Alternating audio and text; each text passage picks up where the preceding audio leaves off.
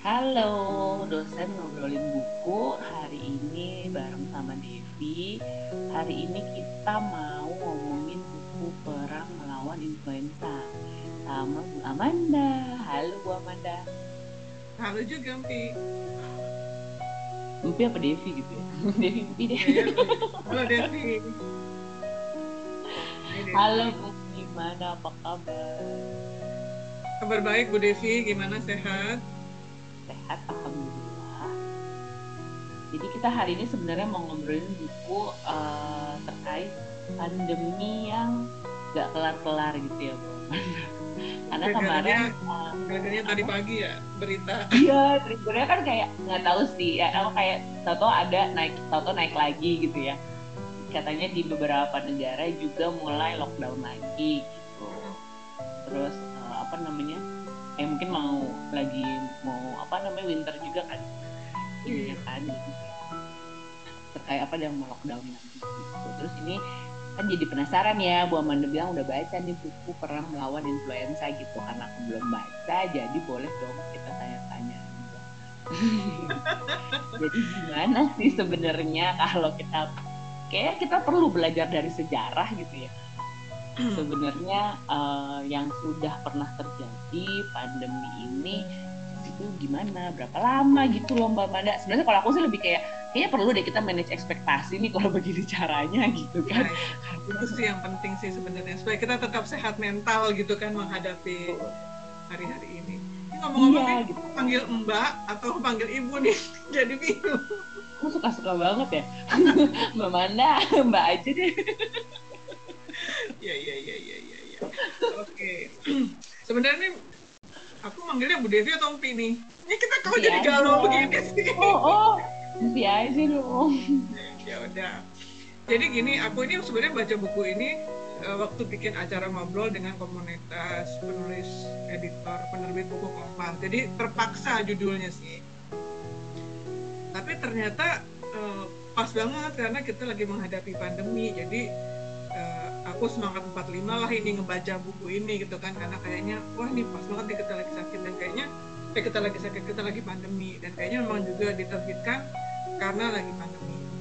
Cuman yang yang bikin aku kemudian belajar banyak adalah ternyata tuh kan kita udah berkali-kali ya ngadepin pandemi. Cuman memang rentang waktunya kan sekitar 100 tahunan tuh which is udah nggak ada dong saksi-saksi yang ngalamin udah nggak ada nah tapi ternyata ada catatan-catatannya tuh dari kejadian pandemi gitu.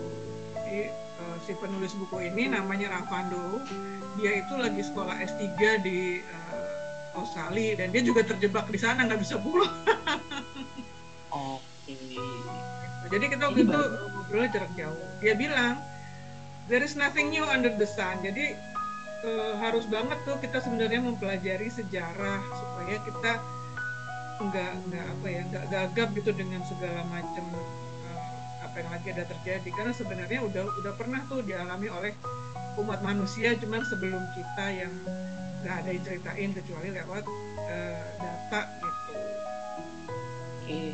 Terus kira-kira notesnya apa aja tuh Bu Mbak Manda? Maksudnya eh, yang dipaparkan sama si buku ini gitu ya kan? Yang kita yang palingnya sih sebenarnya lebih kayak take notes yang kita bisa pelajari eh sehingga jadi pelajaran buat kita untuk menghadapi eh, pandemi ini gitu ya. Walaupun ini kan udah jalan 2 tahun sebenarnya gitu ya.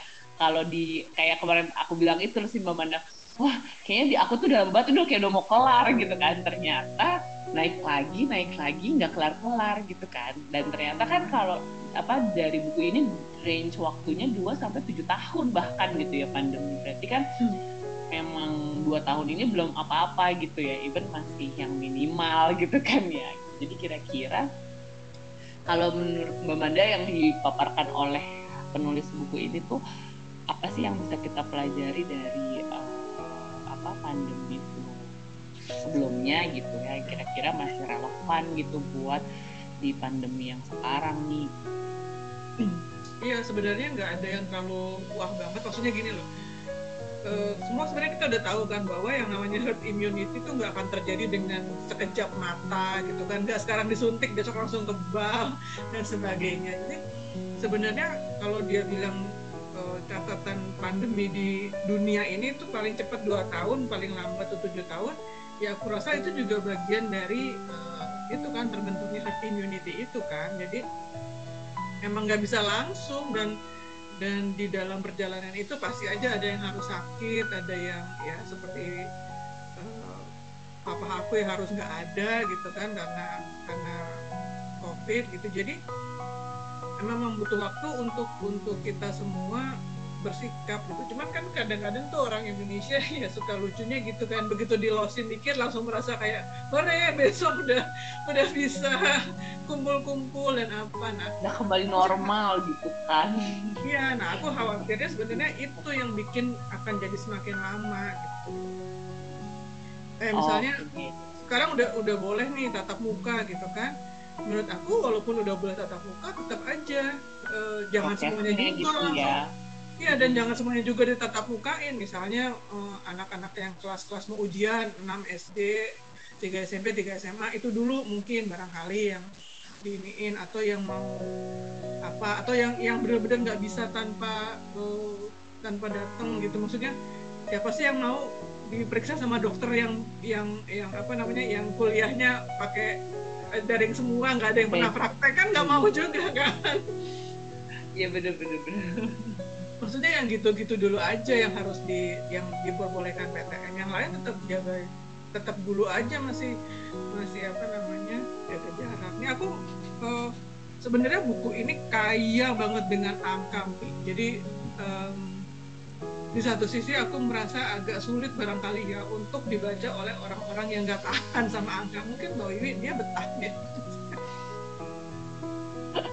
karena banyak data ya. Karena kan tapi tapi maksudnya nggak bisa dipungkiri juga kayak sekarang juga kan sebenarnya kalau menurut aku ya mungkin sekarang ini kita juga ketolong sama uh, teknologi yang bisa yang bikin data itu jadi makin mudah diakses gitu kan dan dan sangat akurat gitu. Ya nggak sih?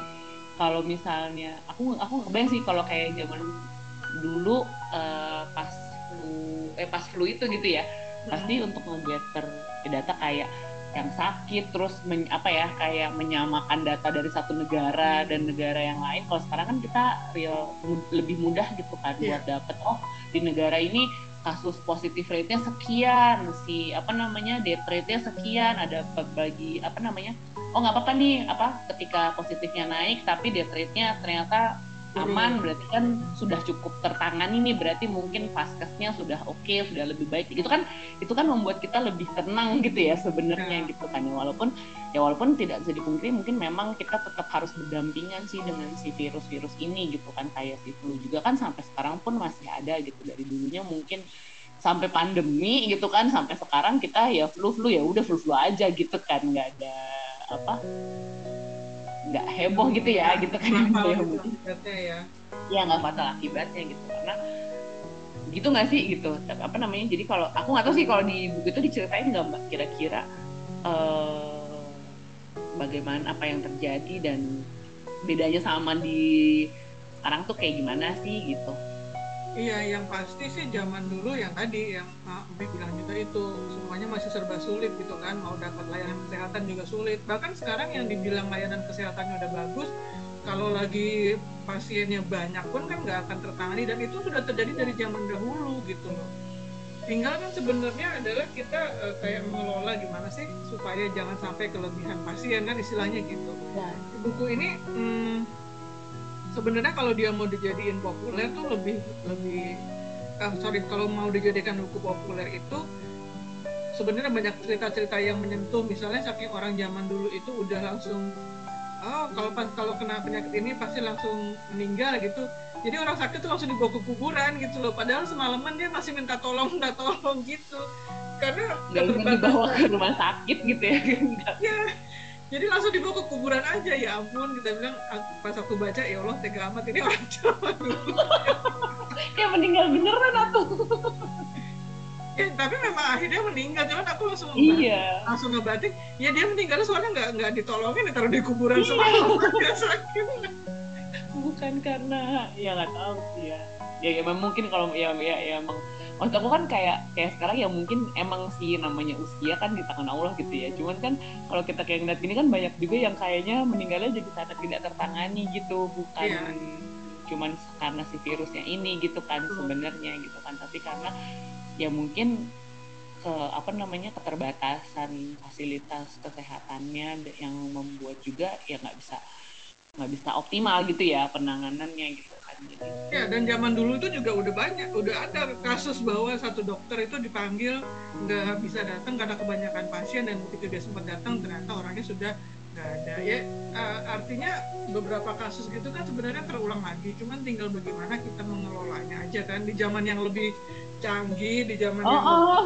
mungkin masa sih kita harus harus seperti itu lagi? Pulang gitu lagi gitu ya berarti ya Mbak. Ya ampun gitu udah udah kejadian tuh dulu di, diceritakan juga di sini. Banyak saking banyaknya dia tuh nggak nggak sempat datang begitu datang udah. Nggak ada. Ya kan sama aja dengan kita ketika kita lagi kemarin pasien yang numpuk sampai di lorong-lorong rumah sakit lah apa segala macam. Yang yang lucunya itu adalah kok kayaknya kita nggak belajar gitu. Dari kondisi seperti itu yang menyedihkan sih itu.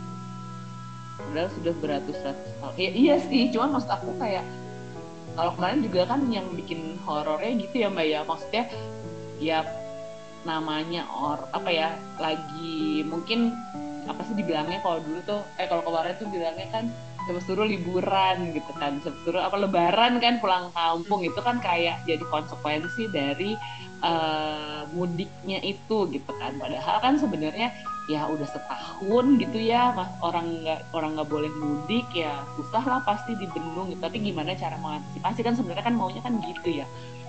Kalau apa bukan cuma sekedar kita, apa memba, mungkin nggak membatasi doang tapi berarti kan harus preventifnya seperti apa misalnya gitu. Kan apalagi dulu di buku itu ternyata sudah ada gitu ya mbak dari tahun iya. tahun berapa itu? Makanya agak-agak miris gitu ya. Kita kan tahun 1900-an ya. Ini kan kita udah tahun 2000 yang Black Death itu loh itu kan banyak juga korbannya kan. Hmm. hitam itu. Nah um, oh ya aku lupa cerita. Ini sebenarnya itu adalah dari tesisnya dia tesisnya si Ravando ini waktu dia uh, masuk. Jadi kalau di kalau nggak salah itu ketika dia mulai kuliah S3 di Australia itu dia suruh bikin kayak mini tesis gitu untuk sebagai awalnya lah gitu. Mungkin kayak proposal atau apa gitu ya. Jadi ini memang data-data penelitiannya banyak dan dia tuh apa sampai sakit-sakit untuk mencari data-data yang sebanyak ini. Hmm, ada loh data kematian yang rinci itu di setiap daerah keren banget uh, datanya ini cuman ya jadi itu nah. itu kalau kalau apa di buku itu cerita nggak sih kalau misalnya dulu tuh apa kayak, kayak lockdown juga gitu aku nggak kebayang sih kalau lockdown di masa itu kayak gimana? Kalau kayak kita sekarang kan kayak untung ya ada ojek online gitu ya mbak. Jadi kayak kita bisa belanja bisa bisa makan gitu loh. Aku agak gak kebayang sih kalau di zaman 100 tahun yang lalu kita lockdown tuh kita mau bagaimana gitu mendapatkan sup Iya mungkin juga uh, kita nggak mengenal istilah itu. Aku sih nggak ingat ya apakah diceritakan soal lockdown atau enggak gitu bahasanya. Karena istilahnya kan pasti berbeda kan dari. Iya iya. Penanganannya kan ya. Uh, gitu. Penanganannya itu seperti apa gitu kan apakah? Nah, cuman uh, berapa pertanyaan aku sebenarnya berapa banyak sih orang yang sudah mempelajari sejarah, padahal ini kan sesuatu yang iya, bisa yeah, yeah. Di, ini kan yang bisa dipelajari lagi. Gitu kita nggak karena kita nggak mendadak kok tahu ada pandemi gitu udah ada ceritanya Iya, iya, iya. Dan kalau kita nggak belajar, akhirnya kita mengulangi kesalahan yang sama, yaitu kayak tadi agak masa bodoh, gitu kan. Begitu los apa begitu dibuka sedikit langsung los semuanya boleh ngapa-ngapain. Tapi ini aku agak takjub juga ya. Hari ini aku dengar berita katanya nanti untuk lebaran eh lebaran Natal dan tahun baru naik jadi uh, tiga lagi ya. tiga lagi katanya kita level 3 lagi terus uh, apa namanya? Untuk mencegah itu ya. Nggak tahu aku juga bingung deh dengan ini jadi ngebahasnya nggak ngebuk nggak ke bukunya nanti ya gitu ya. Maksudnya ya karena maksudnya kan sebenarnya kan uh, kalau kita lihat dari kebijakannya kan nggak usah dari belajar dari sejarahnya gitu ya mbak ya. Tapi dari kebijakannya selama dua tahun ini kan udah berubah ya. Berarti kan efektif dan tidak efektif ini tidak di, seperti tidak dievaluasi gitu loh. Jadi nggak perlu kita mikirnya jadi nggak belajar. Mungkin belajarnya mungkin nggak usah sampai sejarah yang sebelumnya tapi paling nggak kan kondisi kondisi dalam dua tahun ini ya memang sih belum mungkin dari kita semua yang hidup sekarang kan tidak pernah ada yang mengalami pandemi ini gitu ya jadi mungkin ini seperti baru-baru juga tapi dalam dua tahun ini kan paling nggak semua kebijakan kan harusnya bisa dievaluasi. Karena kan dalam dua tahun ini uh, kondisinya tuh beda-beda terus gitu kan. Nggak pernah ada kita belum pernah kita nggak ada di state yang sama gitu loh dalam uh, apa namanya bulan pertama bulan enam bulan pertama setahun pertama kan kita itu kan berubah terus gitu ya pak termasuk kondisi masyarakatnya kondisi ekonominya gitu kondisi apa pas kesehatannya gitu juga kan berubah terus gitu. Jadi menurut aku sih harusnya kebijakan-kebijakan ini juga bisa uh, relevan dengan kondisinya gitu. Ya kalau ini kan kayak jadinya itu lagi diulang lagi dan apa nggak nggak nggak nggak nggak nothing new gitu kayak tapi sebenarnya kalau misalnya kita melihat dari pembelajaran ini menurut aku sih uh, kita ya karena karena virus ini juga sesuatu yang baru yang jelas semua orang harusnya sih belajar ya gitu. Jadi eh, ketika kita, misalnya gini ketika dulu kalau masalah Menkes ya dulu bilang ya yang sakit yang pakai masker atau yang sehat mulai pakai masker ya ya itu kan karena kita yang sakit. ya, yang sakit Hmm, karena kita kan belum tahu perilaku virusnya gitu kan tapi dengan berkembangnya informasi kemudian ternyata uh, penularannya cepat sehingga lebih baik dua-duanya apa sih yang sehat dan yang sakit pakai masker gitu. Menurut aku sih itu pembelajaran juga termasuk kita belajar sangat pahit ketika uh, leba, apa Natal dan tahun lalu di uh, banyak yang sakit kemudian kemarin lebaran juga kemudian apa naik lagi gitu kan jadi sekarang di mau libur Natal tahun baru lagi dibuat level 3 lagi menurut aku sih itu pembelajaran juga karena lebih apa ya lebih, udah lebih paham bagaimana sih karakteristik orang Indonesia gitu. Iya, iya sih ya. Cuman enggak cuma maksudnya jadi kadang aku tuh ngerasanya gini sih Mbak, kadang apa namanya? Kan yang mau. Sebenarnya kita mau menyelamatkan bisnis juga gitu kan mau menyelamatkan bisnis tapi kan kita nggak mau uh, membunuh orang gitu kan. Ya kita mau menyelamatkan ekonomi tapi nggak mau juga sampai uh, membahayakan orang gitu kan. Tapi kadang aku ngelihat ya aku aku lihat dari Singapura gitu ya misalnya. Jadi kayak kok nggak kayak nggak belajar sama karakteristik virusnya ini gitu kan. Kayak di Singapura misalnya tetap boleh dine in misalnya. Boleh uh, apa ekonomi tetap bisa berjalan tapi maksimal kerumunan dua orang gitu kan misalnya gitu dibatasin jumlah kerumunannya gitu. Aku ngeliat di sini dibatasin jamnya lagi gitu kan. Padahal kan virus jam 7 malam sama virus jam 9 malam sama virus jam 7 pagi sama gitu loh mbak. Resikonya tuh nggak berbeda kan sebenarnya gitu kan. Jadi kayak agak bingung aja gitu kenapa yang di ini jadinya. Kan kalau kayak gitu yang yang jadinya apa ya terkorbankan si ekonomi lagi gitu kan. Si apa UMKM yang nggak bisa buka sampai malam lagi gitu. Terus si bisnis yang nggak bisa beroperasi optimal lagi gitu. Padahal kan misalnya nih atau dia batasin oke okay, dine in. Gitu loh jadi kadang-kadang oh terus ini kayak udah yang si pelaku usahanya udah berdarah darah gitu kan ya. Terus kebijakannya itu di ppkm lagi level 3 aduh baru juga mau berusaha nih gitu. Terus tiba-tiba kena lagi nih ppkm level 3 lagi gitu kan nah mungkin agak traumatis gitu kalau buat si pelaku usaha gitu. Mungkin catatan sejarah yang ada belum sampai bagaimana menangani ekonomi kayaknya waktu 100 tahun yang lalu. gitu ya jadi kayaknya nih uh, perlu kita buat catatan yang lebih rinci supaya nanti bisa dipelajari satu tahun. ke depan. Jadi gitu, jadi kalau aku agak bingung dengan, hah gimana jam 7 malam gitu kan dibatasi sampai jam 7 malam. Eh kan kalau orang ngumpul mau jam 7 pagi sama jam 7 malam tetap aja ngumpul gitu kan maksudnya. Atau misalnya diperketat penggunaan masker gitu kan karena kan sekarang kan kalau ngeliat sekarang nih karena udah agak tenang maskernya jadi agak lost juga gitu orang-orang gitu kan agak yang seperti kemarin gitu ya oh, oh. Mbak aku beberapa kali sih mbak. Kemarin tuh sempet di Jatiwaringin tuh sempet beli apa tiba-tiba datang segerombolan orang nggak pakai masker. Gue kayak gimana?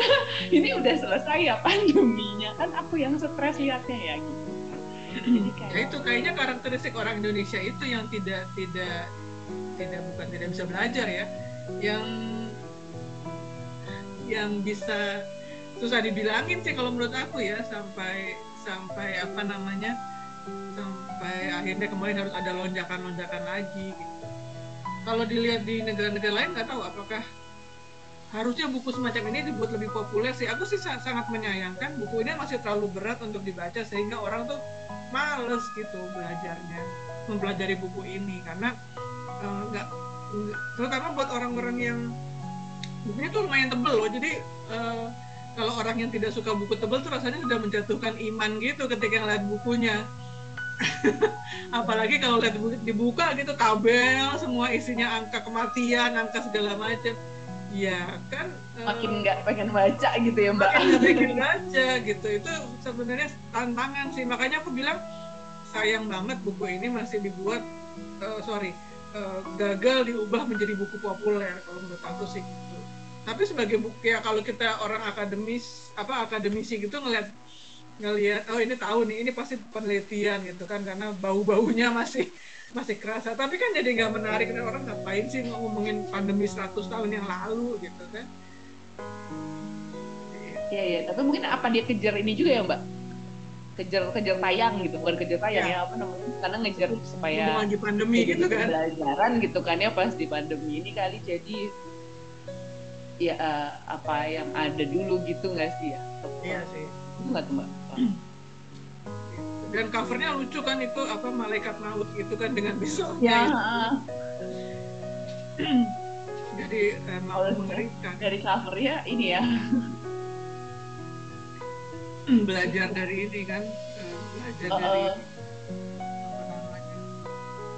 Black Death itu kan. Ya uh, dan sebenarnya menurut aku kalau orang tidak belajar dari sejarah ya itu tadi jadi menganggap ah sekarang udah lewat gitu. Salah satunya yang membuat aku sampai sekarang masih sangat sangat tidak mau dengan tatap muka gitu kan. Karena aku tahu aja ini kayaknya belum selesai gitu walaupun di walaupun dikendorin gitu ya itu itu itu belum selesai. Itu hanya untuk supaya ekonomi tetap muter dan kita nggak nggak ambles gitu kan. Tapi kalau orang yang nggak belajar sejarah mungkin wah udah udah selesai udah cukup. Sekarang kita bisa buka masker kita segala macam gitu pentingannya sih ke arah situ kalau menurut aku. Ya hmm. karena kan sebenarnya juga ya maksudnya kalau sekarang kan mungkin ya efek vaksin itu udah mulai ada juga sih sebenarnya. Tapi kan tadi ya berarti kan ngejar herd immunity di satu dunia apalagi gitu ya kalau kita ngomongin pandemi gitu kan.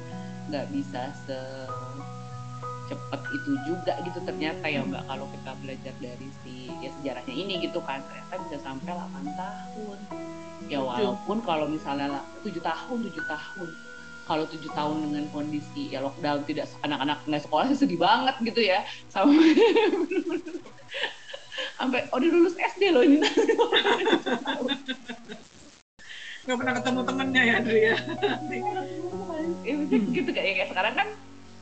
sekolah tuh seminggu dua kali cuma satu jam. Dan itu kan dibagi rombongan belajar ya. Jadi uh, yang tadinya satu kelas 15 anak tuh untuk satu rombongan belajar tuh maksimal 5 sekarang.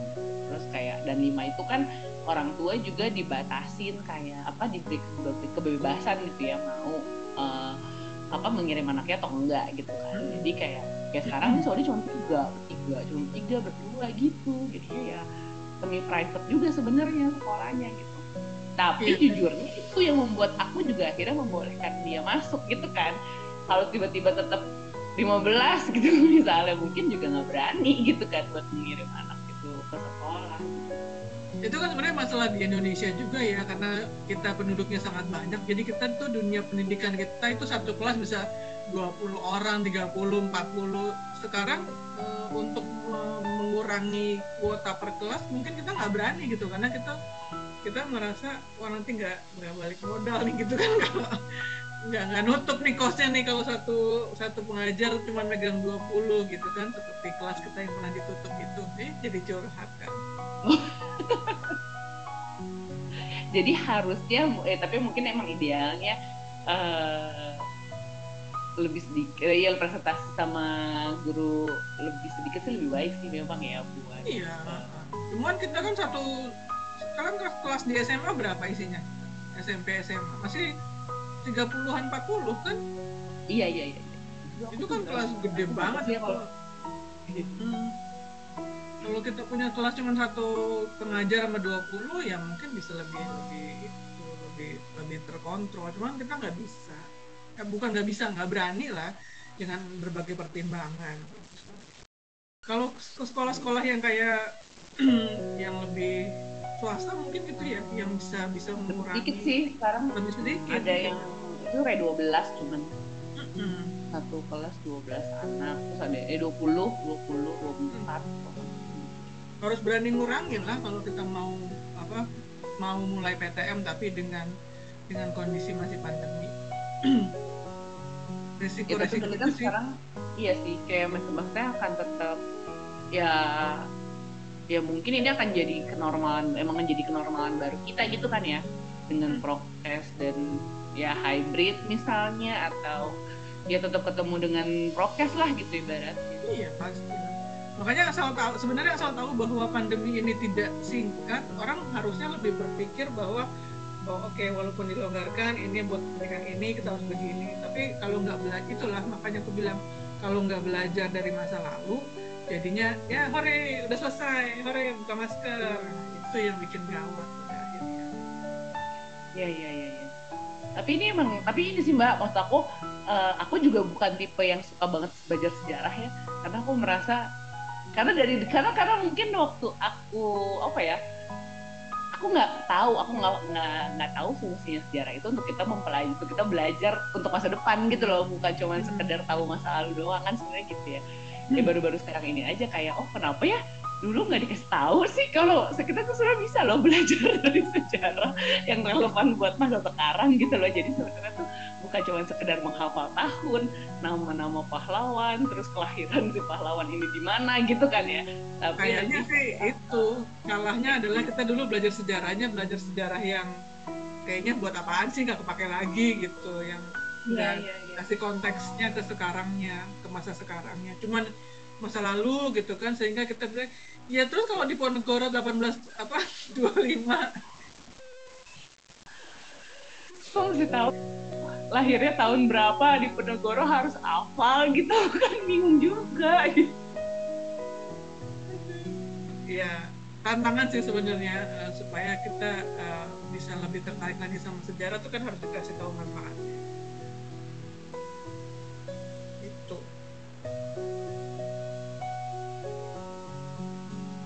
Oke, ah seru banget nih Mbak Manda.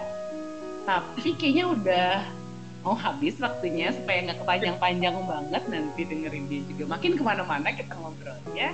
Dan makin banyak curhat ya. Iya, ujung-ujungnya curhatnya makin banyak. Ini intinya kita harus belajar dari sejarah sih sebenarnya gitu dan dan bisa banget sebenarnya belajar dari sejarah diambil yang baik dan apa sih yang harus di apa diantisipasi gitu ya belajar uh, untuk ke depannya gitu. Jadi mungkin kondisinya beda, tapi tetap aja kita bisa belajar dari sejarah. Kondisinya pasti sekarang harus lebih keren, ya. penanganannya harus lebih cepat gitu. Tapi kan kita juga belajar dari masa lalu bahwa penyakit ini nggak gampang hilangnya misalnya atau dengan cara ya, apa gitu gitu sih. Gitu. Hanya untuk memilih ekspektasi kita gitu ya sebagai apalagi korban kita, pandemi di tahun ini di pandemi kali ini gitu ya kita mengambil keputusan buat anak gitu kan sekolah apa enggak buat yang lain-lain itu kita juga perlu me, me, me, apa namanya ya itu handle ekspektasi jangan sampai kemudian kita jadi terlalu mengekang atau malah terlalu los. Gitu. kesian. Ya ya ya. Yang kita ambil keputusannya itu semoga membantu walaupun ada curhat-curhatannya. Seneng banget ya paling enggak iya aku pun jadi belajar banyak Oke, terima kasih Mamanda. Sampai terima ketemu lagi ngobrolin buku sel- dosen ngobrolin buku selanjutnya. Oke, bye. bye.